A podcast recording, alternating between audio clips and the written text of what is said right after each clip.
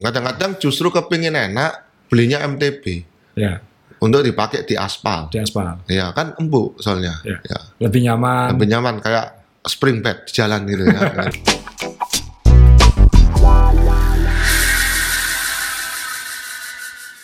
Ya, eh, teman-teman, kita bergabung lagi di podcast Main Sepeda bersama saya Azrul Nanda dan Om Joni Ray di sana. Ini episode keempat dan kali ini kita akan bicara tentang beli sepeda karena memang banyak sekali komen-komen atau pertanyaan ke kami ke kita eh, nanya tentang tips-tips karena katanya sepedaan sekarang sedang rame, eh, sedang boom. Eh, kalau di istilah industri disebutnya mini boom karena belum tahu ini boom besar atau hanya sekedar boom sesaat. Uh, tapi yang jelas uh, banyak pertanyaan soal itu dan uh, kita minggu lalu juga janji uh, ada pertanyaan-pertanyaan dua yang kita pilih akan mendapatkan uh, kado dari Om Johnny Ray, uh, jersey Johnny Ray. Uh, jadi nanti kita akan sebut dan ini kalau dilihat dari tadi saya pengen ngomong tapi saya mau tanya dulu ini Kenapa? Ngapain pakai helm? Duh, biar aman. Biar aman dari apa? Kan Ya. saya nggak mungkin ngelempar gelasnya. Kan kita nggak tahu bencana itu datangnya kapan. Musibah itu kan kalau tahu namanya bukan musibah. Ya, jadi pakai helm, baik di ruangan terang maupun yang di ruangan gelap. Kudu pakai helm. Om. Tadi saya pikir Om Joni pakai helm karena protes. Kan sekarang lagi rame protes-protes sosial itu kan. Kayak misalnya Oh iya. berlutut untuk rasialisme. bukan protes untuk mengingatkan Iya. supaya yang di jalan itu yang lagi ketol sepedaan itu pakai helm. Ya memang orang-orang pada males pakai helm semua sekarang. Bukan males ya, mungkin belum belum paham, Betul. belum merasakan, Belum jatuh. belum jatuh. Ya kalau Jadi- sudah jatuh juga kapok kan. Nah, jadi eh, ya ini eh, sebagai bentuk dari itu alasan nomor satu. Alasan nomor dua ada teman saya dari Solo itu selalu mengingatkan saya untuk kalau podcast pakai helm sekali-sekali katanya. kenapa kata dia? Ya biar kayak di baju gini. Jadi supaya matching sama logonya ya. Iya. Eh, nanti kita bikinkan apa helm custom ya, tulisannya Ray di sini. boleh. Ya. boleh, ya. Jadi eh, ini Om Ray komit pakai helm di mana pun dia berada. Eh, jadi buat teman-teman yang sepedaan jangan lupa pakai helm karena eh, saya paling ngeri kalau lihat teman-teman pakai helm nggak pakai helm. Eh, jadi kembali ke topik karena memang banyak pertanyaan memang pemula banget. Jadi banyak yang tanya kalau beli sepeda, tips beli sepeda itu banyak yang minta, Om. Jadi eh, tema kita sekarang saya tegaskan lagi adalah kalau beli sepeda itu eh, langsung yang mahal atau yang murah, lalu jenis-jenis sepedanya apa saja. Kan sepeda itu ada banyak model sepeda, ada banyak bahan sepeda, tapi kita mulai dulu dari ini sebenarnya pertanyaan dari Li Fu Pao, ini yang masuk di pekan lalu di Oh podcast. ya, betul. Dia nanya kalau mau beli sepeda itu apa dasar-dasarnya dan apa perbedaannya antara sepeda lipat, MTB atau road bike. Oh gini, sepeda itu sebetulnya kan jenisnya banyak om. Ya, Jadi kalau yang umum kita ngerti memang antara sepeda lipat atau eh sorry sepeda lipat, MTB dan sepeda road bike. Ya. Tapi lepas daripada ini sebetulnya kan masih, Masih banyak, banyak yang lagi. lain. Ya. Ya. tapi kalau kita kelompokkan tiga besar itu ya bisa disebut ya sepeda lipat, MTB dan road bike ini. Ya. kalau boleh saya bahas satu-satu, kalau sepeda lipat ini kan awalnya dibuat peruntukannya itu karena untuk komuter, untuk mudah dibawa-bawa, untuk laser misalnya dibawa ke waktu masih gampang berpergian dengan mobil, ya, itu kan bisa dibawa dalam mobil, lalu diturunkan di tempat wisatanya, terus putar-putar di situ. ya, Dan kalau komuter sepedaan dari rumah ke tempat kereta api atau bis, Ya. setelah itu di bis dicangking dalam bis, turun ke tempat kerjanya, digowes lagi ke tempat kerjanya. Demikian juga ketika pulang seperti itu. Contohnya seperti itu sepeda yang di sebelah Anda itu kan Ini sepedanya Om tapi kebetulan kayak ganteng di sebelah saya, jadi ditaruh di sini. ya itu tagline-nya kan made for cities. Dibuat untuk kota. dibuat untuk kota. Jadi intinya ya kalau orang-orang di kota itu kan space-nya kadang-kadang tinggalnya kalau di luar negeri kan di apartemen. Nah, itu kan dilipat supaya tidak makan tempat ketika simpan di rumah. Hmm. Kalau mau dibawa ke dalam venue misalnya restoran atau depot bisa dilipat. Tapi memang eh, ada beberapa yang sudah disediakan bungkus supaya kalau kotorannya itu tidak jatuh ketika dibawa. Jadi, Jadi- itu itu fungsinya Sally sebenarnya. fungsinya dan kelebihannya lagi eh, sepeda lipat ini sekarang ini paling mudah ditipiskan om Maksudnya? Ditipiskan jadi duit. Ya ini paling paling mudah ini. Sekarang ditipiskan jadi duit ini paling gampang. Hmm. ya salah satu staff saya itu pernah saya hadiahi sebuah sepeda hy- hybrid. Ya. itu pamit kemarin. Hmm. Pak eh, sepedanya sudah saya jual. Oh, saya kira sepeda dinas di kantor kan? Iya. Loh, kenapa kok harus dijual? Iya saya ganti sepeda lipat gitu. Duh, sepedamu kan lebih bagus. Enggak kalau sepeda lipat nih saya bisa berteman sama yang lainnya gitu jadi Hmm. lebih gaul katanya kalau sepeda lipat jadi Melani dijual sepeda hybridnya itu Ya.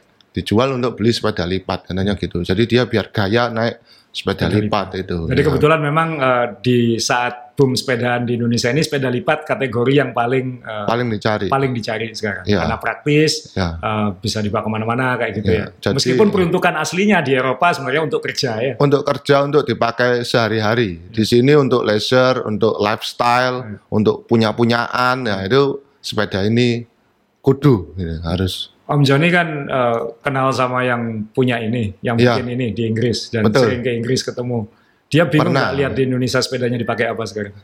Ya mereka takjub dan sebetulnya tidak ingin seperti itu karena sepeda ini kan fungsinya untuk dipakai sehari-hari. Jadi kalau ketika peruntukannya itu agak geser, mereka takut ya seperti yang tadi Om bilang, bukan boom tapi fat ya. Jadi Iya. naik tiba-tiba langsung turun gitu iya. ber- apa eh, Jadi, trennya itu. Jadi kita jelasin banyak yang orang bilang sekarang sepedaan itu ngetren, Oh. tapi sebenarnya tren itu ada jenisnya. Ya. Jadi ada tren itu harus dilihat dalam kurun waktu tertentu, naik atau turun atau naik turun seperti grafis sinus kosinus. Tapi ada yang namanya istilahnya kalau di marketing namanya FAD, FAD, FAD.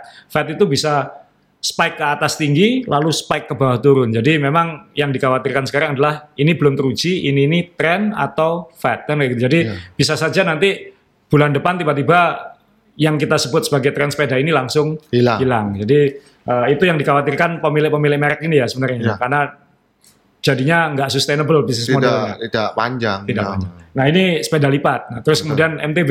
Nah, sebelum saya lanjut itu, saya juga ingin menyebutkan beberapa sisi lain dari sepeda lipat yang perlu diperhatikan, yang bi- mungkin kadang-kadang orang bilang kekurangannya, Ya. itu adalah em, sepeda lipat ini karena cenderung bannya kecil dan semua sepeda yang bannya kecil itu eh, untuk jalan-jalanan di Indonesia ini yang banyak lubangnya ini kurang eh, mesti hati-hati. Ya, karena karena di Indonesia lubangnya lebih besar daripada rodanya ya. Ya, karena lingkarannya itu terlalu kecil jadi ya itu tadi lubangnya besar, dia ke apa ya, ke prosok gitu sampai gampang jungkel kan. Ya. Nah, itu nomor satu harus hati-hati di situ. Ya.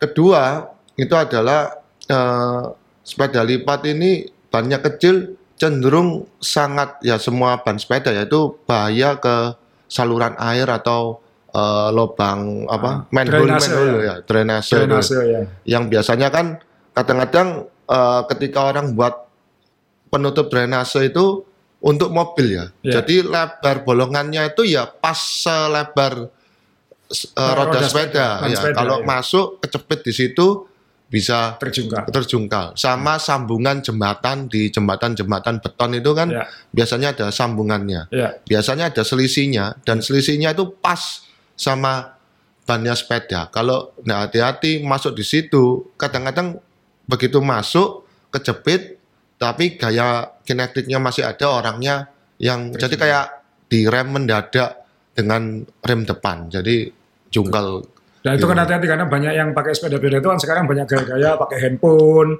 uh, Iya. selfie-selfie, syuting-syuting video. Iya. Dan ini uh, kejadian kan, maksudnya kita tahu ada beberapa teman yang Iya. Ketika dia asik syuting-syuting tapi nggak ngelihat lubang Depannya, jalan atau apa. Jungkir. akhirnya Ah. actionnya malah action beneran gitu, Betul, bukan, iya. bukan action-actionan kayak gitu. Jadi ya tadi harus diingetin juga karena mungkin banyak yang belum paham tentang sepeda lipat, rodanya kecil itu ada risiko-risikonya kayak gitu. Iya. Dan juga eh, soal kestifan frame-nya, Iya. ya kalau yang sudah biasa pakai sepeda besar pasti agak kerasa loh kok goyang. Iya. Ya harap maklum karena eh, frame-nya itu kan tidak satu bagian yang utuh ya. Iya. Jadi dipenggal dengan lipatan-lipatan, jadi Iya. pasti ada goyangnya. Iya. Ya jadi semakin bagus pasti goyangnya semakin minim, tapi tetap Goyang. goyang Iya. gitu. Itu kira-kira sepeda lipat itu seperti gitu. Oke, sekarang yang MTB kan orang eh, MTB itu gimana? Karena jujur mungkin ini Om Joni lebih cocok karena saya ini kan saya selalu bilang orang-orang saya ini road bike ortodoks gitu. Jadi saya susah pindah agama. Jadi Iya. saya tidak punya MTB. eh, dulu pernah naik MTB tapi tidak pernah mendalami. Jadi Om Joni kan merasakan semua gitu. Ya, Hmm. kalau mountain bike ini yang kita sebut mountain bike dulu itu harus dijelaskan bahwa mountain bike ini bukan road bike yang setirnya lurus ya. Ya, Kalau itu kan kita istilahnya hybrid ya. sepeda hibrid. ya. Hybrid. Jadi mountain bike itu setirnya lurus, ada yang hardtail Ya, yang tidak ada suspensi di belakang. Ya. Uh, ada juga yang double suspensi yang de- suspensinya depan belakang. Ya. Nah, kalau MTB ini pasti peruntukannya namanya aja MTB, mountain bike Ya. untuk di gunung-gunung, Ya. uh, belusukan di dalam hutan, kondisinya non aspal pastinya. Ya. Nah, jadi bannya pasti jauh lebih lebar. Ya. Uh, terus kemampuan untuk mengarungi medan ya kalau kita bilang mobil itu seperti jeep gitu ya Ya. 4 WD gitu Ya. jadi naik turun jalan kerikil jalan agak berlumpur dia bisa mumpuni untuk ke situnya dan MTB sendiri masih dibagi beberapa jenis Ada banyak macamnya lagi. ya ada yang uh, uh, sorry uh, all mountain ada yang apa itu single track. Single track. Ya. maksudnya untuk Ah, ya, termasuk downhill. ya downhill. Terus eh, se- yang XG itu. Ya. Jadi ya, itu harus diperhatikan kalau kita memilih sepeda itu peruntukannya untuk apa. Kalau kalau kalau sekarang ini kan kalau situasi boom sekarang kan orang pokoknya beli sepeda, maksudnya uh, sepeda mau itu MTB, mau pokoknya rodanya dua bisa dipancal, udah itu aja yang dibeli kan kayak gitu. ya memang sepintas seperti gitu dan komunitas yang ngajak itu yang mana dulu Yang kan? mana Gitu, duluan ya. walaupun eh, tapi kan kita di sini jelaskan peruntukannya Iya, iya. ya jadi paling enggak oh sebetulnya sepeda dengan model seperti ini itu dipakai untuk apa kan Ya. bisa pendengar ini bisa lebih mengerti kan Iya. gitu jadi kayak kembali lagi jadi kayak cross country itu travelnya travel itu adalah jarak eh, bisa mengatur Suspensinya. suspensinya itu sejauh apa dia bergeraknya. Semakin jauh geraknya, itu pasti peruntukannya lebih ke downhill, lebih curam, jalannya, gitu. Jadi kan model frame-nya juga berbeda. Kalau yang cross country itu pasti cenderung agak seperti sepeda road gini ya, Ya. lebih tegak gitu orangnya. Tapi kalau sudah ke downhill, modelnya sudah seperti chopper-chopper gitu ya. Orangnya kan pasti setirnya di atas, sadelnya di bawah gini. Karena kenapa kok modelnya begini? Karena ketika turun, ini nanti jadinya rata, lebih lebih stabil. Lebih stabil. Itu pun masih eh, maaf pantatnya itu masih di bawah. di bawahnya sadel kalau bisa duduk di hampir duduk di rodanya supaya jaga kestabilannya ketika turunnya dalam kecepatan tinggi itu. Jadi yang yang saya khawatirin kan memang orang asal beli kemudian ternyata kok sepeda ini nggak enak padahal kan mungkin bukan untuk peruntukannya itu kan ya kayak gitu. Iya, nggak enak itu macam-macam. Kadang-kadang justru kepingin enak belinya MTB Ya, untuk dipakai di aspal. di aspal. Ya kan empuk soalnya. Ya. Ya. Lebih nyaman. Lebih nyaman kayak spring back di jalan gitu ya. Gitu. Jadi jalan terus gitu kayak coba gitu. Saya Cuma sering bercanda sih om. Kadang-kadang eh, yang naik MTB itu biasanya kalau bukan orangnya tua-tua, orangnya gemuk-gemuk biasanya kayak gitu. ya, soalnya kerasa aman. Iya, aman. Kalau benar. sepedanya kecil-kecil gini kan merasa ndak aman kan gitu Iya, ya. Dan ban MTB memang lebih Lebih besar, gitu, lebih- safe ya. lebih safe ya. Ya. gitu. Ya terus sekarang kita ke arah berikutnya yaitu road bike karena ini ini ya mungkin agama saya ke sini tapi Ya. Om Ray juga lebih banyak aktif di situ juga selain Sally kayak gitu. Jadi road bike ini belakangan kan juga banyak macamnya kayak gitu. Tapi Ya. pada intinya kan kalau kita lihat sejarahnya sepeda ya ada kebanyakan sepeda itu sebenarnya kategorinya road bike kan. Karena digunakan untuk Di aspal. di aspal ya untuk Ya. Untuk membantu perjalanan orang misalnya kayak gitu kan misalnya Betul. untuk touring untuk komuter itu semua kan masuk dalam payungnya road bike sebenarnya kayak gitu Ya, jadi sepeda di jalan sepeda ya. di jalan dan apa namanya eh, kebetulan mungkin yang bikin populer sepeda balap ya ya sepeda balap itu kan road bike kayak gitu di Ya. Indonesia aja namanya sepeda balap Betul. padahal kan belum tentu dipakai balapan dan Betul, ya. jadi namanya jadi terjemahan dari road bike jadi sepeda balap itu saya nggak paham dulu seperti Ya, apa itu. kita mungkin begitu tahu model sepeda ini ya namanya sepeda balap kan gitu ya dari awal gitu. Padahal kan sebenarnya road bike kan ya Road gitu. bike, betul ya. Yang ada dipakai balapan kan kayak Iya. gitu. Jadi road bike itu ya sepeda balap ini gitu. Meskipun agak risih saya kalau ngomong sepeda balap karena kan mayoritas nggak dipakai balapan sebenarnya Ya, kayak gitu. itu nomor satu dan juga kesan balapan ini kan belum tentu Positif sepeda ya. ini ya sepeda ini harus dipakai balapan kan kesannya gimana gitu Iya. masa harus kompetisi masa pakai ini untuk komuter nggak boleh pakai ini untuk touring nggak bisa kan gitu Kan Sebenarnya kan enggak kan. Ya, sebenarnya kan sebenarnya sebenarnya itu enggak. road bike kayak Iya. gitu. Dipakai Mungkin balapan. yang menerjemahkan itu menerjemahkan sambil lihat Tour de France mungkin waktu itu. Iya. ya kan jadi oh ini sepeda ini ternyata cuman ada di balapan sepeda Tour de France ya ini sepeda, Sepeda balap, balap. gitu ya. Berarti itu tuh toko sepeda pertama di Indonesia yang salah dulu ya kayak gitu. ya oh, penerjemahnya Penerjemahnya nih, ini apa balap kayak gitu. Iya, balap betul ya. Jadi uh, road bike itu ya identik dengan drop bar. Uh, drop Ya. bar itu handlebarnya melengkung. Uh, dulu banyak nanya, kenapa kok handlebarnya melengkung? Itu kan banyak uh, sebenarnya ada banyak tujuan kan. Selain beberapa posisi pegang yang road bike karena dia mengutamakan lebih mengutamakan speed daripada jenis lain. betul ya. Jadi kan butuh uh, mungkin posisi yang lebih aerodinamis dan itu menuntut pengendaranya posisinya lebih membungkuk daripada naik MTB atau naik yang lain Betul. sehingga drop bar ini ada beberapa posisi pegang kan kayak gitu ke bawah. Termasuk juga melengkung itu sebenarnya ini dulu juga saya baru tahu waktu pertama kali balapan kenapa ya kok harus melengkung kan pakai dibuat hibrid tadi kan juga bisa. betul ya Ternyata untuk keamanan juga kan, karena kalau kalau balapan eh, dia posisinya eh, dempet-dempetan eh, dan lain-lain. Mm-mm. Kalau handlebarnya itu eh, memanjang Ya, seperti kayak MTB, tombak oh, kayak nyodok kayak sebelahnya bisa gitu. sodok kanan kiri Iya, ya. Jadi betul. handlebar yang melengkung ini lebih aman ketika eh, berdekatan dengan sepeda yang lain. Jadi Iya.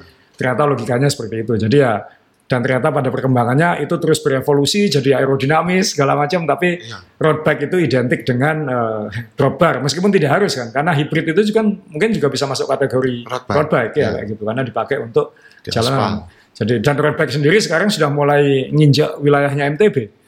Karena kan ada sekarang ini di dunia jenis sepeda yang paling laris. Ini kalau di Amerika katanya Ya. 60 sampai 70% penjualan sepeda di sana Ya. itu adalah sepeda gravel. Sepeda gravel Nah, ini juga nama gravel ini juga sama kayak sepeda balap di Indonesia gitu. Karena kalau kita dengar kata gravel itu kan jalan makadam. betul ya Jalan makadam. Jadi gravel itu jalan jalan yang dilewati mobil tapi tidak ada aspalnya. Jadi pasti kerikil kayak gitu. oh Nah itu kalau di Amerika memang jalan yang banyak seperti itu sehingga orang sepedaan merasa lebih aman di situ karena jauh dari mobil. Ha-ha. Karena kan di Amerika lalu lintasnya kan truk-truk besar-besar dan mobil besar-besar dan tidak banyak orang sepedaan mungkin di sana tidak Iya. seperti di Eropa. Nah, jadi orang sepedaannya di gravel karena jalan gravel itu puluhan kilo dan banyak sekali. Nah kemudian kategori itu malah booming. Kenapa? Itu bisa dipasangi ban kecil untuk seperti balap Balap. tapi juga bisa dipasangi ban lebar seperti MTB, Oh. bahkan bisa dipasangi roda MTB. Jadi malah jadi sepeda all for one kayak gitu. tapi tidak ada suspensinya belakangan mulai ada berkembang pakai suspensi juga. Awalnya cuma travel 2 cm, tapi sekarang sudah mulai ada yang full suspension segala macam seperti itu. Dengan model sepeda seperti gini. Dengan model seperti ini. Jadi ini ini unik juga. Awalnya uh, agak malu-malu, bannya lebarnya 32 mili kayak gitu. Ya. Tapi belakangan uh, kemudian nggak malu lagi 35. Kemudian lebarnya jadi 40 dan 42. Kemudian yang paling umum sekarang bisa nampung ban 45, 45 Ya, mili. sudah hampir sama kayak MTB kalau gitu. ya. Malah sekarang bisa dipasangi apa dua 2,1 inci dan lain-lain seperti itu. Jadi makin lama uh, irisannya makin makin ketemu gitu. Makin blended ya. Makin blended. Jadi Ya. nanti kalau disuruh menjelaskan jenis sepeda itu apa, waduh itu semak setiap celah persen itu ada isinya. Ya. gitu. Dan kalau kita ingin tahu bedanya ya harus mencoba. Harus Ya, dicoba. Ya, Dan karena- mungkin menyesuaikan dengan sekeliling kita gitu. Maksudnya kalau Ya. kalau Om Ray tinggalnya di hutan ya masa mau beli sepeda balap yang Oh, time trial kan enggak kan? sulit, betul. Ya. jadi dan tapi yang penting kan karena pakai helm meskipun tinggal di hutan maupun di kota kan pakai helm kan ya gitu. Betul, ya. Kesamaannya hanya itu. Cuma untuk catatan Om, Ya, jatuh di dalam hutan Ya. sama jatuh di jalan ya. itu sakit yang di jalan. Kenapa? Aspal, beton. Ya kalau di hutannya jurang. Eh, ya itu kan Jurang lalu bawahnya aspal kan lebih sakit lagi. wah itu, itu kan sudah jatuh tertimpa tangga dan kejatuhan atapnya. Enggak, itu bukan gitu. Jadi kalau kita tuh jatuh di medan-medan off-road itu, Ya. walaupun jatuhnya kelihatannya seru, biasanya itu hampir tidak ada luka yang serius karena eh, tanah itu sangat meredam. Jadi Ya. kadang-kadang orang yang mungkin dulunya main MTB terus biasa jatuh, jangan dibiasakan biasa jatuh itu di aspal gitu loh. Jadi karena walaupun jatuhnya cuman mungkin lupa masang klit, jatuh gitu aja itu sudah sangat keras Bisa ya, patah kok. bisa patah Kak. Bisa patah. Apalagi kalau salah jatuh ya sambil menahan. Bisa masuk rumah sakit bangun nggak sadar di mana kok. Iya, betul. Ya.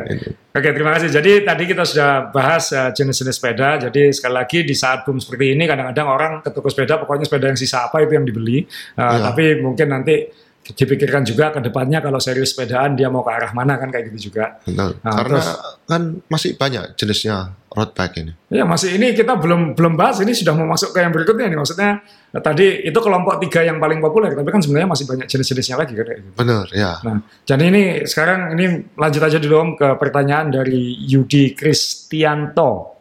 Oke. Nah, ini Om Yudi ngomong apa? Om? ini Om Yudi nanyanya kan dia intinya menanyakan adalah kan kalau misalnya road bike itu kan ada banyak bahannya. Iya, Jadi ada yang karbon, ada yang alloy atau aluminium, betul. ada yang besi, Ya, ada juga titanium kayak gitu. betul. Jadi eh, apa sih beda-bedanya? Kenapa kok ada banyak beda-bedanya kayak gitu? Ini kita kasih contoh aja, Om Ray sekarang duduk di sebelah sepeda kebanggaan dia itu, itu cuma ada 10 di dunia dan punya Om Ray nomor satu ternyata. Itu English mereknya eh, dan ini dari besi ya kan? Ya, ini dari besi tapi dengan fork carbon. Dengan fork carbon. Nah, Dengan ini- fork ini- carbon. Itu itu nanti jenis-jenis yang varian-varian detail lain lagi kan kayak gitu. Iya. Lalu saya sekarang di sebelah saya tentunya merek saya Wednesday dan ini karbon. Dua-duanya road bike, dua-duanya drop bar, eh, tapi ini kelihatan sangat beda. Jadi mungkin kita saling bahas ini ya. Maksudnya Iya. apa sih bedanya besi, alloy, karbon atau titanium tadi kayak gitu. Jadi kita mulai dari besi dulu ya karena sejarah sepeda kan Dari sepeda besi. dari sepeda besi gitu. Ya. Jadi dari 100 tahun lebih lalu ya dari besi waktu itu belum ada carbon fiber kayak gitu. Jadi memang uh, sepeda besi kalau saya rangkum sedikit kebetulan saya koleksi sepeda, Om Ray juga koleksi sepeda. uh, kalau dari rasa kalau menurut saya sepeda besi itu memang kayak ada nyawanya sih. Karena karena uh, kalau kita naik sepeda besi apalagi di jalanan Indonesia yang bumpy dan uh, aspalnya kasar itu kayak bahan itu bisa meredam frekuensi getaran kayak gitu. Jadi Oh, ya. jadi rasanya seperti uh, seperti apa ya mulus gitu kayak naik kayak mobil kayak naik Mercy kira-kira kayak gitu. Jadi Ada empuknya lah. ada empuknya ya itu itu sepeda besi. Soal stiffness kaku sekali lagi uh, tergantung kaki tetap lebih penting daripada Bahan, anu, sepedanya. dan sepedanya. Jadi uh, saya belakangan malah mungkin lebih menikmati naik sepeda besi itu gitu karena uh, lebih lebih na- kayak naik sepeda gitu dalam artian Ya, dan ya. dan uh, lebih abadi, lebih klasik, uh, lebih uh, lebih tidak tergoda untuk uh, kalau kalau di sini istilah kita apa bunuh-bunuhan di jalan gitu.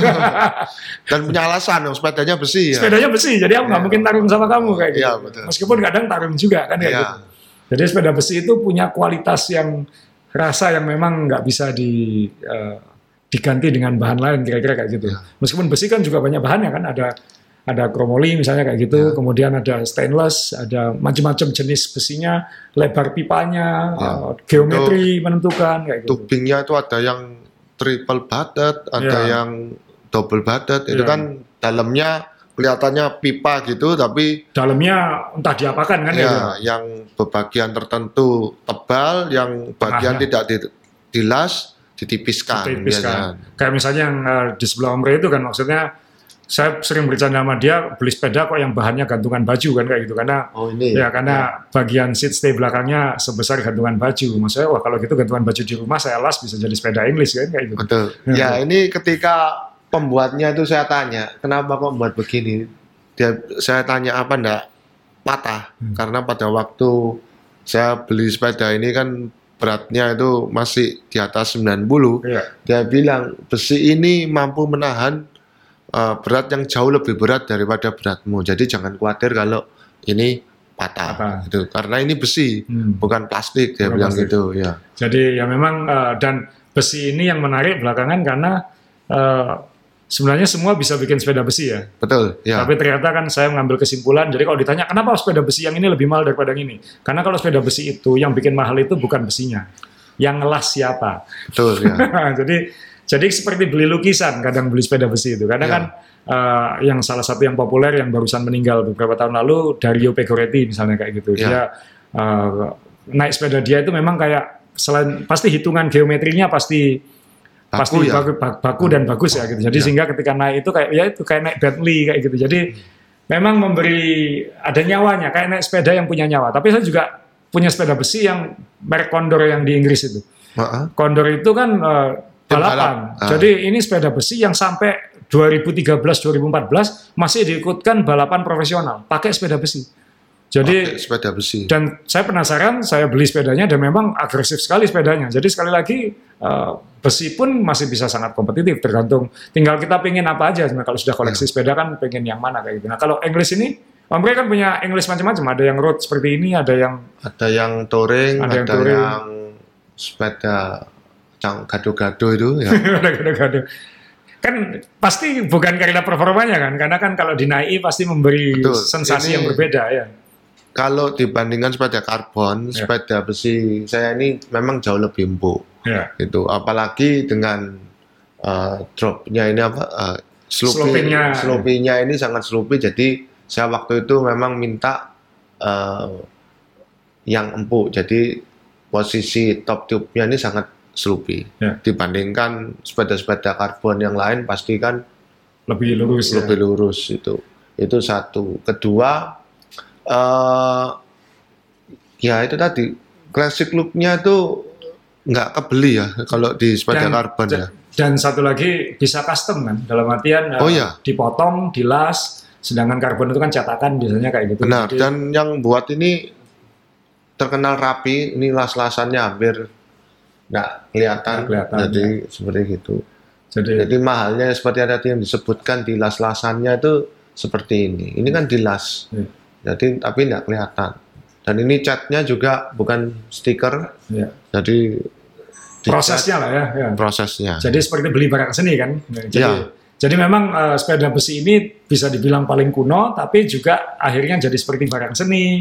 Ada banyak, Klasik, ya. ada banyak apa punya punya market sendiri sekarang akhirnya kayak gitu.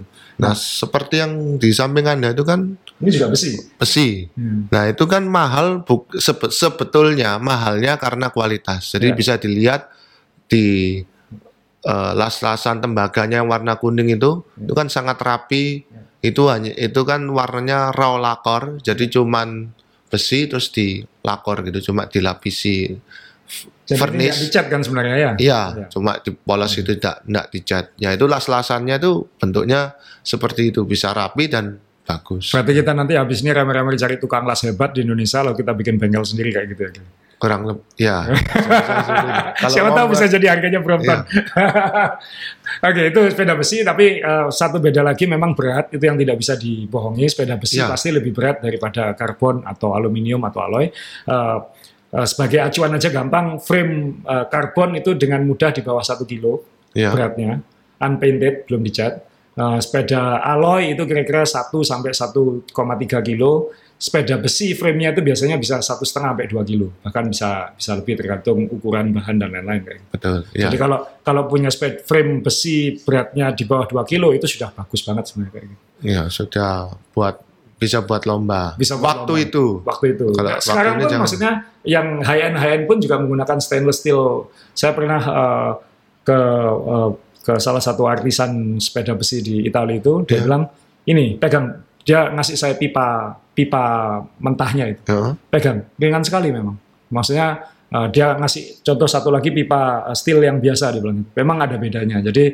eh, jenis steelnya juga juga harus diperhatikan kayak gitu Itu baru satu pipa. itu baru satu pipa Padahal satu sepeda ini kan beberapa pipa. Beberapa pipa jadi harus berat jelas. sedikit dari satu pipa dan pipa yang lain lama-lama jadi berat Berat banget ya. Ya. Ya.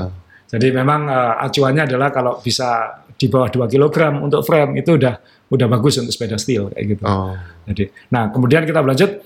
Ini sebenarnya agak mirip karena sama-sama bahan logam, ya titanium kan kayak gitu. Ya. Maksudnya ada lagi yang nanya, Srul kalau besi sama titanium gimana? Hmm, ini ini ada kemiripan. Naik sepeda titanium itu memang seperti naik sepeda steel. Dia bisa meredam frekuensi getaran eh, aspal itu jalan.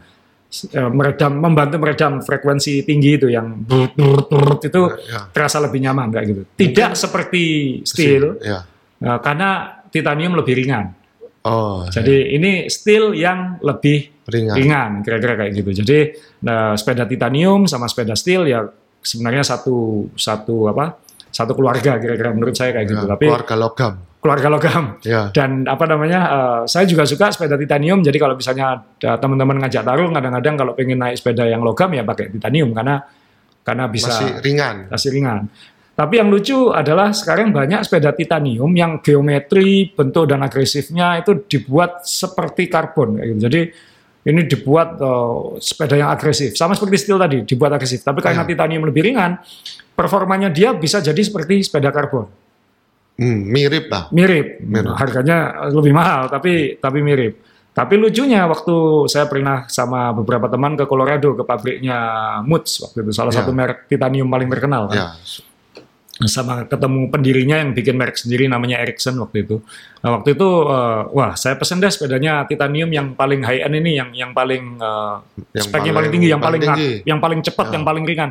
Dia bilang jangan jangan jangan ini yang punya merek jangan jangan jangan gitu. Kamu pengen sepeda titanium kan? Iya.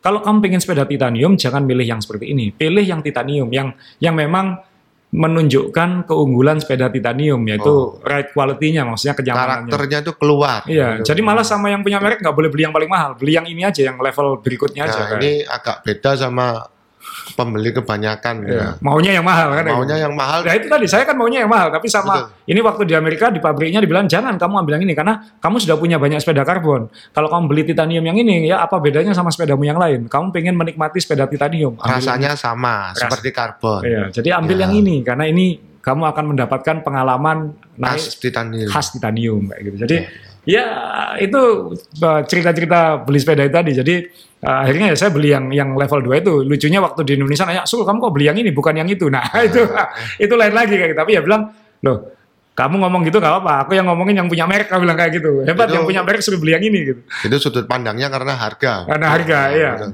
Jadi sekali lagi harga bukan penentu segalanya. Nanti kita bahas lagi di akhir. Ya. Itu sepeda titanium. Jadi seperti steel tapi lebih ringan. Nah sekarang alloy. Nah alloy ini kan tahun berapa? Tahun 90-an ya sempat meledak di arena balap kan ya. Karena uh, Tour de France sempat uh, Wah, saya dominan pakai sepeda tahu. aluminium. Belum 80-an. ikuti. Belum ikuti saya waktu itu. Belum ikuti. 80-an Belum 90-an kalau nggak salah kan zamannya Cipollini dan lain-lain itu kan ya. Oh itu sudah alloy. Udah alloy. Jadi Oh. memang uh, setelah steel itu sepeda alloy sempat uh, Bumi, booming, anu, sempat booming. dijadikan ini the next uh, Masa bahan, depannya lah. masa depannya Ah. kayak gitu. Ya. Uh, dan memang cost-nya memang lebih rendah, uh, bisa lebih ringan kayak Ya. gitu. Uh, cost lebih rendah itu misalnya steel kan memang mahal kayak gitu. Ya. Uh, steel berkualitas khususnya. Kemudian alloy ini bisa diproduksi dengan lebih murah dan produsen merek sepeda di dunia pasti mencari bagaimana caranya mencari bahan yang murah bisa dijual lebih Mahal. mahal. Itu itu hukum hukum, Hukum dagang dan ekonomi, ekonomi ya. ya. Jadi akhirnya uh, aluminium ini dipopulerkan meskipun dan meskipun uh, kemudian ada karakternya sendiri juga kan gitu. Maksudnya dia pasti bukan kayak steel. Jadi karakternya pasti lebih uh, kalau banyak yang bilang uh, awal-awal dulu katanya uh, kalau naik mobil tuh kayak gampang gelodakan gitu. Jadi Oh iya. lebih iya. kasar rasa naik sepeda aluminium. Memang lebih ringan dari steel sehingga menawarkan performa. Kalau pembalap kan maunya yang ringan-ringan kayak gitu. Betul. Ya. Jadi kakunya mungkin bisa menyamai steel tapi ride quality-nya memang tidak sama. Kalau pembalap kan ride quality nggak penting, yang penting dia cepat dan Cepat. dan menang. Power transfernya dapat. Dapat. Nah, Ya. itu alloy waktu itu bisa bisa mengatasi. Dalam perkembangannya memang alloy makin canggih kan. Ya, teknik industri kan pasti makin canggih. Sekarang Betul. Ya. aluminium sekarang sudah bisa dibentuk-bentuk seperti karbon juga kayak gitu. Hmm. Sehingga akhirnya eh, ride quality-nya juga eh, meningkat. Seperti misalnya Cannondale yang paling top kan, eh, Ya. dia punya Cat CAD, 10 dulu, ya. kemudian sekarang eh, Cat 13, eh, saya punya sampai Cat 12 jadi belum merasakan Cat 13, tapi Cat 12 itu ya kayak naik sepeda karbon.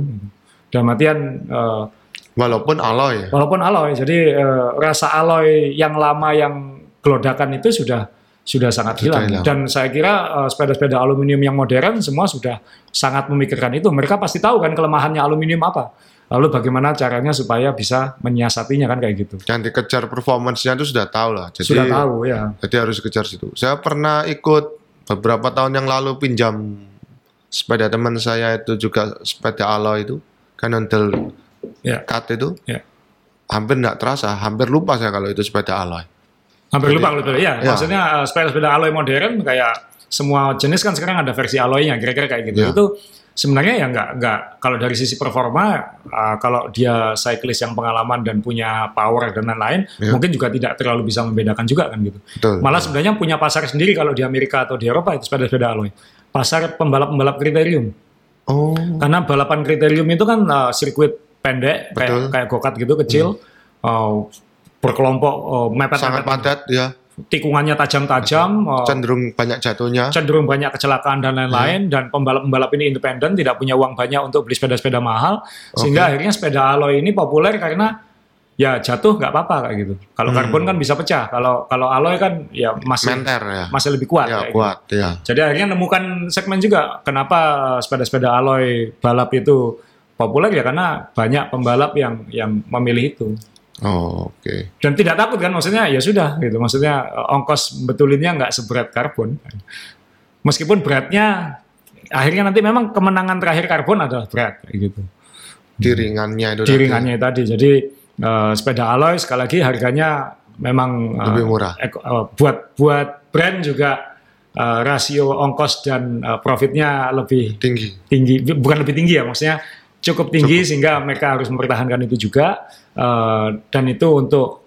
konsumen untuk cyclist yang mungkin terbatas ya lebih baik beli alloy yang berkualitas daripada karbon yang Tanggung. tanggung. Nah ini nanti kita kenapa bicaranya dari alloy ke karbon karena nggak segampang bilang oh ini karbon. Karena karbon itu range-nya Karbon itu kan itu. Kalau dulu nulis Ya. supaya enggak capek-capek nulis kan tembus tiga.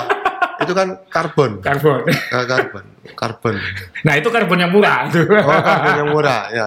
Nah, jadi memang eh, ini irisannya dari alloy ke karbon karena karbon itu kan eh, ya ka- karbon itu saya kalau ditanya karbon itu sebenarnya saya juga bukan orang insinyur tapi eh, pengalaman saya dengar karbon fiber kan dari mobil F1 gitu karena Ya. mobil F1 semuanya terbuat dari karbon. Karbon. Dulu juga gitu mobil mobil balap itu dari besi ke alloy. Mobil F1 tahun 70-an 80-an kan dari aluminium semua frame-nya. Kemudian karbon semua sejak 1980-an kayak gitu. Jadi Sejak 80-an ya. jadi sebenarnya sepeda ini sama F1 hampir sama gitu, dari besi ke aluminium ke, Ke karbon. karbon, ya. Tapi karbon ini juga nggak nggak segampang itu. Karbon itu kalau saya sebut kayak beli baju, kayak beli kaos, kayak kaos yang dipakai ombre gini. Kaos itu kan, beli kaos tuh ya kan kaos ada banyak macamnya. Ini kaos, ya bahannya apa katun, iya katun. Tapi katun kan banyak macamnya juga. Betul, ya. Ada katun yang kaosnya harganya jadi 40 ribu, ada yang jadi 100 ribu, ada yang jadi satu juta. Jadi Oh, range Iya, iya. jenis benangnya, jenis apa namanya, jenis eh, gramaturnya, ketebalannya, stretchnya itu semua kan ada banyak macamnya. Jadi karbon itu seperti kain. Jadi eh, kenapa saya bilang nanti saya akan kembali ke alloy, sepeda karbon belum tentu lebih baik daripada sepeda alloy. Bahkan mungkin belum tentu lebih baik daripada sepeda besi kayak gitu. Yang Karena- karbon ini. Ya jangan sekedar oh ini karbon gitu, mahal. Belum tentu. Karbon itu ada banyak macamnya juga gitu. Kalau kita lihat mungkin teman-teman yang beli sepeda selalu bingung loh ini kok karbon ini namanya SLR ini SL ini namanya SL ini Pro apa bedanya karbonnya beda Kan biasanya cuma diangkat gini, Om. atau diketok-ketok karbon Ya. gitu. karbon ya gitu Ya. padahal karbon ini lebih variabelnya lebih banyak lagi kayak gitu Bisa jelaskan? Iya, jadi eh, eh, tapi yang jelas kita sepakat bahwa sepeda karbon memang paling ringan dan paling paling apa Oh, ya, ini, iya. ini paling mutakhir lah kayak gitu kan. Dan sampai hari ini masih berkembang terus jenis Berkembang. karbon itu seperti apa. Jadi sekali lagi serat karbon ini disukai insinyur karena dia bisa dibentuk, Oke. bisa dibentuk sesukanya. Gitu. Jadi bisa dibentuk eh, angle-nya bisa lancip, bisa bulat, bisa Lonjong gitu. bisa ya. lonjong, bisa bisa segala macam, bisa dibentuk. Kemudian tebal tipisnya bisa dicun secara lebih eh, detail. Dalam Oh, artian iya, iya. eh, sebelah sebelah daun tube ini lebih tipis dalamnya, kopong, tapi fork ini lebih tebal, kayak gitu. Jadi mau bisa diapakan saja Nah, sebenarnya. itu yang sulit dari sebuah tubing Besi, besi, iya. ya kan, yang harus ya intinya pipa gitu ya, Pipa, ya. yang tebelnya cenderung dari depan sampai belakangnya ya sama, Sama. cenderung. Nah, sedangkan karbon ini setiap sentimeternya ini bisa dicun eh, beda gitu. Jadi semakin ke bawah semakin tebal, semakin ke atas semakin tebal tergantung dia kebutuhan yang dikejar mana kayak gitu. Itu itu yang kenapa bahan karbon. Jadi karbon fiber itu sebenarnya ya serat-serat karbon itu kan, serat-serat karbon yang kemudian dalam berbagai macam jadi seperti kain sebenarnya. Jadi kalau beli lembaran karbon fiber, jadi kayak, kayak kalau waktu saya ke pabrik eh, sepeda-sepeda itu ya kayak lembaran, lembaran yang kemudian digunting pola, Oke. digunting pola kayak kayak buat baju. kayak baju kayak bikin Oke, baju. ya. Nah pola ini kemudian ada cetakannya eh, yang orang bilang monokok lah apa segala macam eh, dalam berbagai bagian. Kemudian kayak dilem-lem Di dalam cetakannya. di dalam cetakan itu. Jadi ya seperti jahit baju sebenarnya. Dan itu pakai tangan memang. Jadi nggak peduli dia karbon murah atau karbon mahal, prosesnya kurang lebih sama. Oke. Kemudian itu nanti di sini lebih tebal atau di sini lebih tipis. Eh, Jadi kemudian tinggal lembarannya itu ditambahi di bagian sini, Ya, ditambahi bagian dan sana. dan gitu. bagian sini jenis karbon yang ini misalnya di sini katun jenis ini kalau di sini katun jenis ini kayak gitu jadi eh, bagian bottom bracket yang dekat pedal itu Ya. mungkin karbonnya lebih tebal lebih kaku karakternya Ya. tapi yang di bagian top tube eh, yang tidak menanggung beban eh, itu dibuat setipis mungkin seringan mungkin Ah. kemudian bagian seat stay tadi kalau yang steel itu ada kayak gantungan baju ini juga bisa dibuat gantungan baju Kecil. yang lebih kecil lagi tapi dia lebih kaku, lebih lebih, kuat. kaku, lebih kuat kayak gitu. Jadi memang eh, bahan karbon ini buat seorang insinyur adalah wah ini akhirnya ada bahan yang bisa aku mainkan Dari lebih detail kayak Ya. gitu. Nah itu itu karbon. Nah eh, banyak yang nggak tahu, tapi makanya tadi jenis karbonnya itu macam-macam gitu. Jadi ada karbon yang murah, ada karbon yang mahal, eh, kemudian eh, kadang dicampur dengan bahan lain, entah itu fiberglass atau apa. Karena dulu kan sepeda juga pernah itu eh, kombinasi karbon dengan besi, kombinasi karbon dengan titanium kan sampai hari ini ya. juga masih ada kayak gitu. biasanya di daerah sok-sokannya di Eh, mana bagian-bagian struktural dia pakai besi atau pakai Betul, alloy, ya. tapi yang bagian-bagian batangannya dipakai karbon. karbon, ya. Jadi sebenarnya kan karbon ini banyak macamnya juga. Jadi bahwa oh ini karbon itu bukan berarti dia mahal. Itu belum tentu juga satu. Makanya banyak merek-merek yang papan atas biasanya dia nyebutnya high modulus atau uh, campuran karbon angka sekian. Uh, Ya. Ini uh, seribu lebih, ini sekian. Nah ini ini banyak sekali macamnya. Itu berarti tiap angka itu sebetulnya menandakan perbedaan kualitas dan fungsinya juga bahan karbonnya saja sebenarnya. bahan karbonnya. Ya, bahan karbon. Jadi sebenarnya yang saya sering ketawa sih, ngomong, oh ini ini kan merek Itali gitu. Iya, tapi kan dibuat di China atau di Taiwan Negara juga. Asia, ya. Iya, jadi harus diingat bahwa 95% Oke. sepeda karbon di dunia itu dibuat di China. Apa pun mereknya, dari Itali, dari Amerika, dari Kanada, dari Eropa lain atau Buatnya buatnya adalah di China atau Taiwan, kira-kira kayak gitu. Jadi Oke. bahkan merek yang Taiwan pun punya pabrik di China kayak gitu. Karena dan mereka satu satu kawasan kadang-kadang. Jadi saya pernah pergi itu eh, waktu eh, riset buat Wednesday ini adalah loh ini kok di sini semua pabriknya iya itu bikin ini itu bikin ini itu bikin ini katanya. Jadi Oh. sebenarnya Saya, pabriknya. saya pulang ke Surabaya ada beberapa toko sepeda yang berdekatan eh, jual dua merek yang berbeda. Ya ternyata tokonya berdekatan, pabriknya juga bertetangga kayak gitu. Oh. Jadi jadi itu kadang-kadang orang belum banyak paham juga kayak gitu bahwa eh, karena kan dia karena karbon itu kan meskipun dia bahannya canggih kan bikinnya harus pakai tangan kan dan itu biaya labor, biaya buruh itu kan tinggi sekali kalau Oh. di Eropa dan Amerika. Jadi betul mau tidak mau harus di outsource ke Asia. di gitu. Asia ya, Jadi ya, ya. ya itu yang yang yang bikin seru juga dan kadang-kadang eh, hati-hati juga kan kita selalu ingat ya Om ya ya dalam bisnis dalam hidup selalu diingatkan kalau kedengarannya baik itu eh, if it's too good to be true then it is not true kan kayak gitu. Betul Kalau ini kayaknya luar biasa jangan-jangan ini bohong kan ada gitunya kan ada. Jadi selalu hati-hati sama itu. gitu. kalau terlalu fantastis itu belum tentu benar berarti ya Ya. Jadi kalau ada sepeda karbon harganya fantastis murah Iya, ya kita harus bertanya-tanya juga gitu. ini asalnya dari mana ya? As- mungkin bukan asalnya dari mana, tapi ini karbon beneran nggak? Jangan-jangan Oh. karbonnya uh, ada lapisan apa yang kita nggak tahu dan lain-lain. Uh, ya itu yang yang yang harus hati-hati. Jadi kebetulan ini uh, untuk yang nonton uh, bukan mendengarkan, kita ada visual juga frame. Ini frame Wednesday kita yang karbon. Jadi on bilang karbon ini, Om Rey bisa minta tolong diambil sisi satunya. Jadi kita belah dua ini. Ya, Jadi ini dari pabrik kita potong di Indonesia supaya untuk nunjukin ya frame karbon itu dalamnya ya seperti ini. Ada bagian-bagian yang lebih tebal dari yang lain, uh, kurang lebihnya seperti mungkin ini. ini om yang lebih Ya, komplit. ya. Jadi uh, ya ini lebih lengkap. Jadi uh, ini sepeda karbon dalamnya seperti ini. Jadi ya seperti hollow ya, kosong dalamnya, kopong dalamnya. Ini kayak mainan masa kecil saya yang plastik-plastik itu om. Tamiya kan ya. Ya.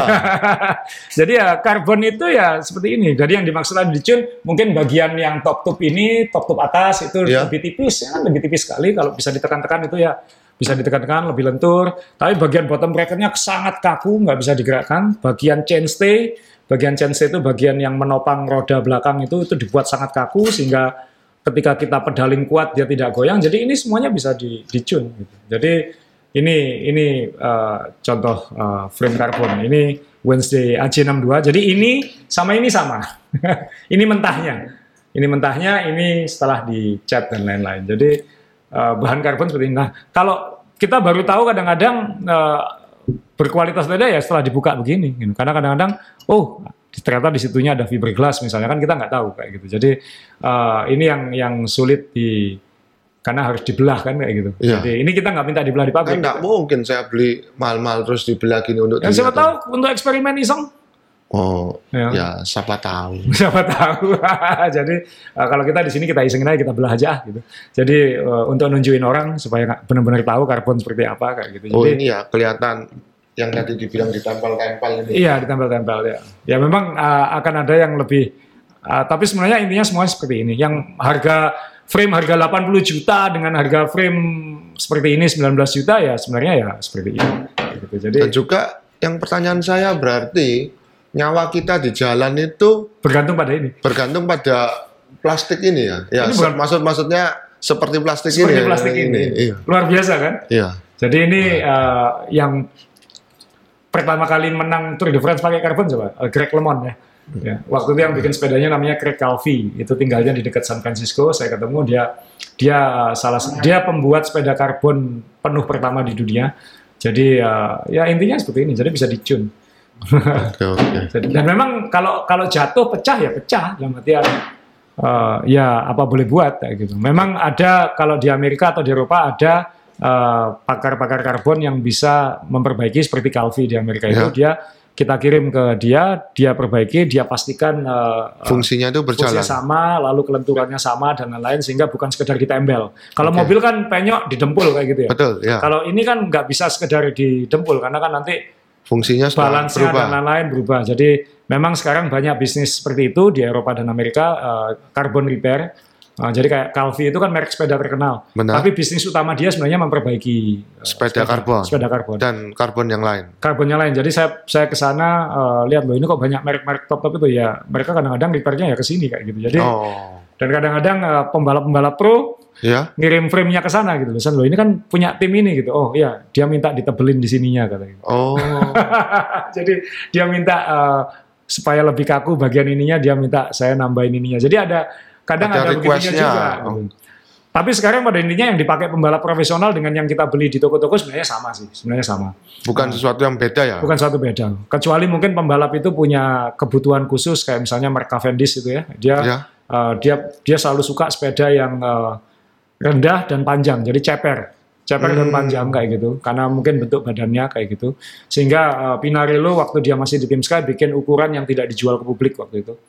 Khusus untuk Mark khusus untuk Cavendish. Cavendish itu. Jadi kecuali seperti itu. Tapi juga saya pernah dan ini saya apresiasi waktu mampir ke ke markasnya Specialized di California. Heeh. Uh, waktu itu uh, bertemu dengan foundernya, dia bilang pada awal-awal uh, evolusi sepeda karbon dulu memang semua produsen itu kesulitan membuat sepeda yang uh, tune-nya pas untuk pembalap. katanya. Jadi kadang-kadang yang dipakai pembalap itu beda dengan yang dipakai Untuk umum. umum. Itu tapi Yang kita ngomong dijual, ya. akhir 90-an awal 2000-an ya kayak gitu ya. Karena uh, atau akhir 2000 uh, ya pertengahan 2000-an lah. Karena memang uh, tuntutan pembalap pro dengan dengan kemampuan produksi massal waktu itu masih masih belum bisa. kayak gitu. Belum ketemu. Belum ketemu. Tapi sekarang katanya apa yang kamu beli di toko dengan yang dipakai pembalap itu kurang lebih sama, Sama. kayak gitu. Karena teknologinya sudah sampai titik itu. Jadi itu itu pembahas tentang uh, karbon tadi kayak gitu. Jadi Jadi, Sekali lagi karbon itu macamnya banyak bukan sekedar oh ini karbon gitu. Jadi ka- karbon ada harga 15 juta ada 80 juta ya memang kadang bahannya beda tapi kadang juga tidak sebeda itu gitu. jadi perlu saya tambahkan ini mahal karena bukan bahan tapi risetnya untuk bentuk ini kan Betul. panjang dan perlu sekolah ya. Om? Ya perlu sekolah. Betul. Kadang-kadang ada saya pernah ketemu uh, engineer uh, sepeda S3 Oke. Universitas Top. Ya. S3 Universitas. Cuma buat sepeda ini hanya bikin stem. stem. Stem itu Tuh. bagian yang Ini memegangi handlebar itu. hanya untuk bikin itu. Dia disertasinya adalah aerodinamika stem. Sangat khusus. Sangat khusus. Jadi bayangkan betapa menghinanya kita kalau kita beli sepeda mahal-mahal ini kemudian hanya dipakai untuk 5 kilo atau belasan kilo karena desainernya sekolahnya sampai S3. kan. Tapi boleh dong.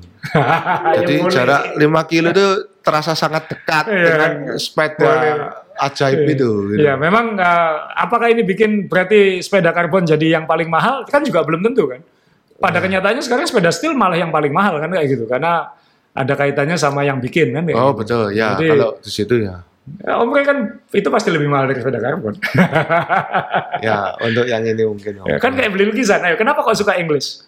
Ya ini kan sejarah saya sepedaan Om. Oh, sejarahnya dulu. Ya waktu badan tuh masih lebih makmur dari ini itu takut naik sepeda karbon. Oh. Banyak yang bilang kan karbon ini Ada kuat. iya. Ya nanti kamu kalau patah di jalan bagaimana Hmm. gitu.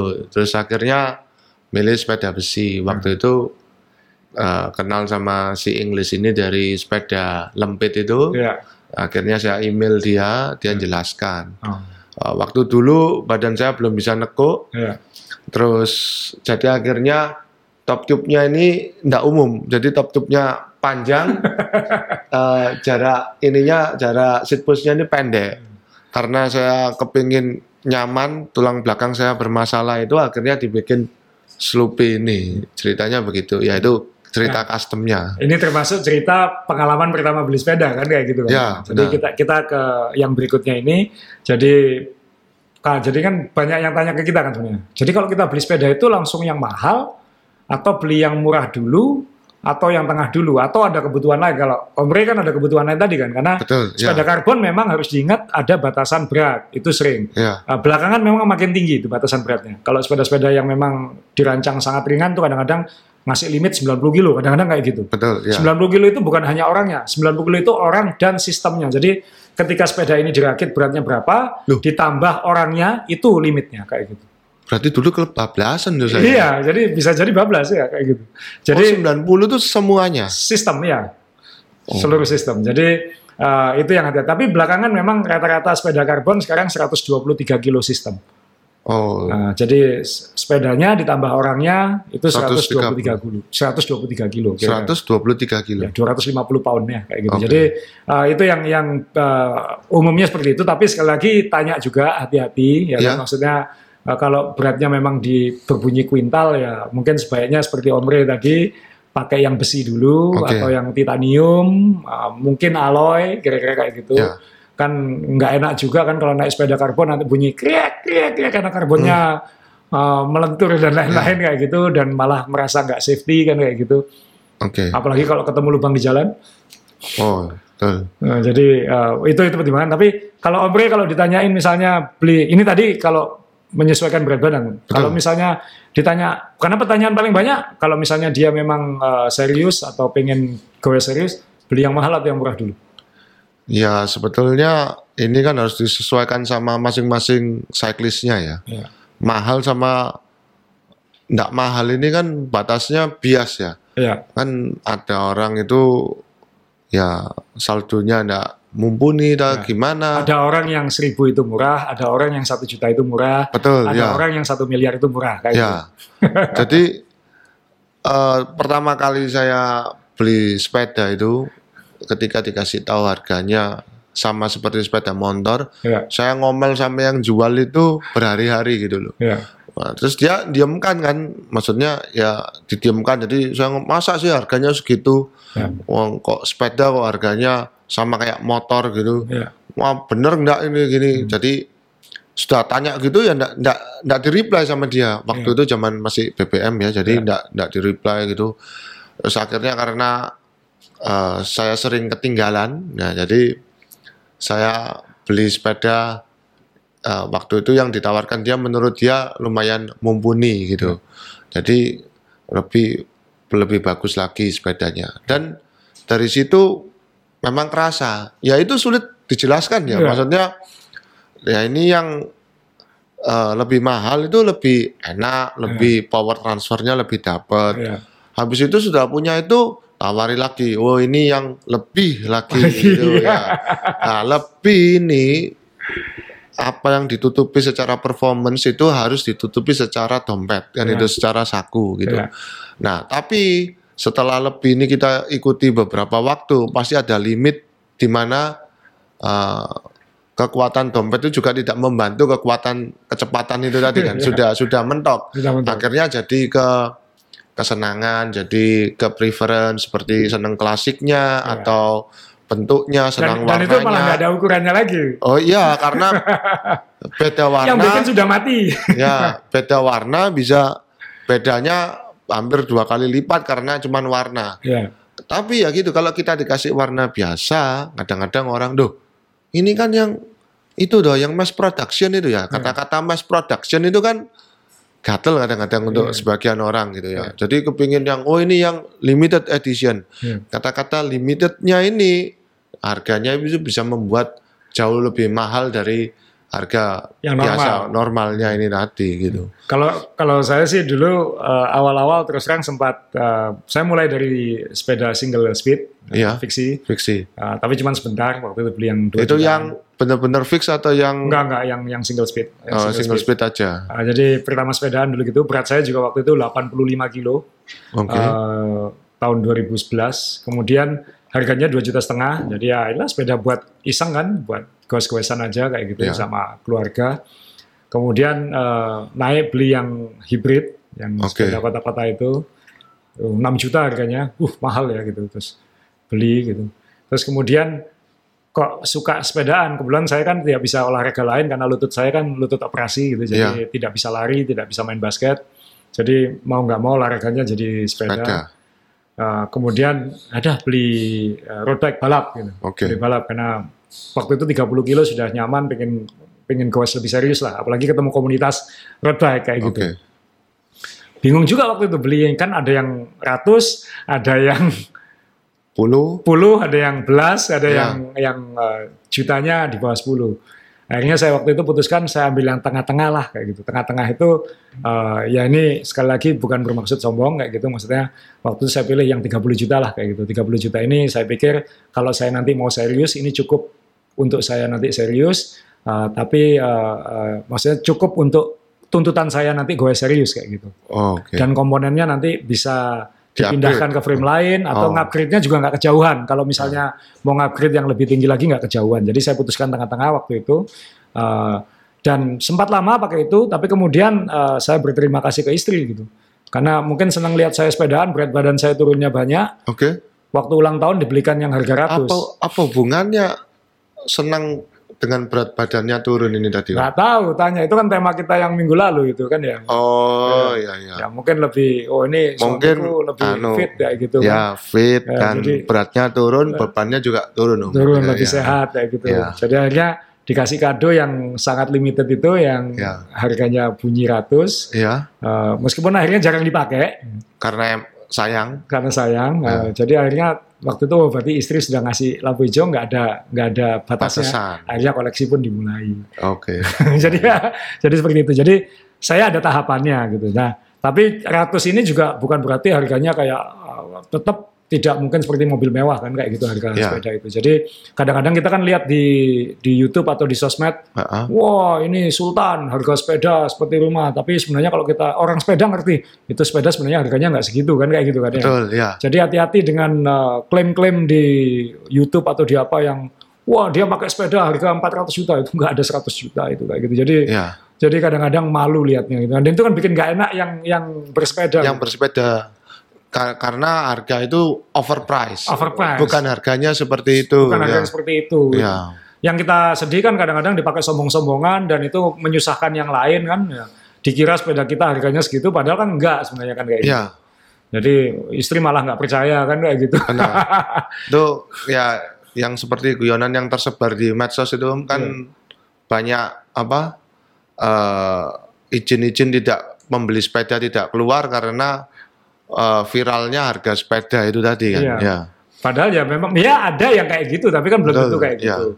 Jadi kalau ditanya, jadi kesimpulannya kalau ditanya beli sepeda murah dulu atau mahal, sekali lagi relatif tergantung anda. Toh Ya. kita juga belum tentu menjamin anda akan sepedaan terus kan. Betul. Nanti ya. beli yang harga 100 juta tiba-tiba satu bulan nggak cocok, nggak sepedaan, Jadi pajangan Om. jadi Ya. pajakan atau kalau dijual harganya jatuh banyak, ya kan? Iya, kalau sepeda ini. Hmm. balik lagi kalau sepeda lempit enggak loh. Eh, sudah, kan saat ini kan Saat kayak- ini, saat kayak ini. gitu jadi Ya. sekali lagi juga eh, kita akan open mind aja lah kita Ya. kita harus terbuka lah nggak boleh menghujat yang beli mahal-mahal kan saya juga ada teman yang eh, saya sarankan ambil tengah-tengah kayak saya tapi sul, sul tapi nanti aku diledekin teman-temanku kayak gitu kan Ya. yang lain pada pakai sepeda sultan itu katanya ya beli aja kan kamu mampu gitu maksudnya Eh, kan nggak usah izin ke saya gitu dalam artian Hmm. ya, ya karena lingkungan seperti itu ya ya suka-suka kamu aja kalau saya sih mungkin sudah pada tahap mungkin dulu level suka sepedaan lalu masuk fase suka beli Ya, sekarang kan kita Om Ray dan saya kan sudah pada fase suka sepedaannya gitu ya, dalam artian bukan suka beli. bukan suka belinya kayak gitu karena Ya. kita sudah lebih paham uh, tentang industrinya dan lain-lain jadi sekali lagi ya memang uh, pressure lingkungan uh, tapi pada intinya kalau saya sih yang penting suka sepedaan dulu lah. Uh, toh uh, kemarin juga ada ketemu beberapa anak muda dia beli yang murah dulu Ya, yang harga uh, belasan juta itu. Tapi saya bilang pakai ini aja dulu nggak apa-apa. Kenapa? Toh nanti kalau kamu suka sepedaan benar-benar serius sepedaan ngupgrade-nya gampang. Karena komponen ini semua bisa dicopot kamu tinggal beli frame. Oh, bisa dipindahkan. kan bisa dipindahkan. Kan Ya. sepeda itu kan bisa ditukar-tukar dan lain-lain kayak gitu. Jadi uh, nikmati dulu sepedaannya. Uh, harga itu urusan urusan masing-masing. Bukan Ya, ya. itu urusan pribadi masing-masing kayak gitu. Jadi uh, kita tidak akan menghujat yang suka beli sepeda mahal-mahal. Yang penting tahu fungsinya saja. Betul. Ya, kita juga jangan mencemooh yang beli yang biasa-biasa. Toh betul. Uh, tiap orang beda-beda uh, Kan dan yang penting kakinya. Yang penting kakinya. Nanti kalau sudah ikut kelompoknya Om Joni dan saya, itu sudah pada level kesombongan kekuatan kan ya.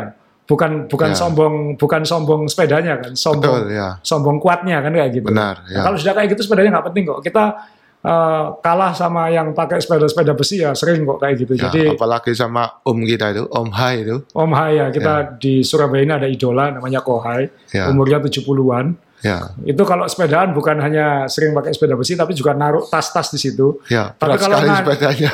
berat sekali sepedanya dan kalau sepedaan masih ngalahkan kita gitu. Jadi Betul, ya. sekali lagi eh, mahal murah kok sa- kita kembalikan ke masing-masing kan kayak gitu. Ya, Wah ini panjang juga tema kita hari ini nih ya. Ya, Ya, kita terima kasih lah banyak eh, respon juga eh, di eh, channel kita di Spotify maupun di YouTube. Jadi eh, tadi kepada dua orang eh, Li Fu Pao dan Yudi Kristianto nanti akan kita hubungi, nanti dapat hadiah langsung dari Om Joni, eh, dapat eh, jersey atau baju gambarnya Om Joni. ya. ya, mirip kayak gini lah. Mirip kayak gitu ya. Jadi nanti eh, semoga cocok, semoga tetap semangat sepedaan. Buat yang lain kita tunggu juga eh, tolong klik subscribe di Main Sepeda, kemudian juga eh, tolong kasih komen dan masukan untuk tema-tema berikutnya. Jadi terima kasih Om Joni, Eh, ini Sama-sama, lumayan mungkin moga-moga bermanfaat Ya. dan ketemu lagi di seri berikutnya. ya.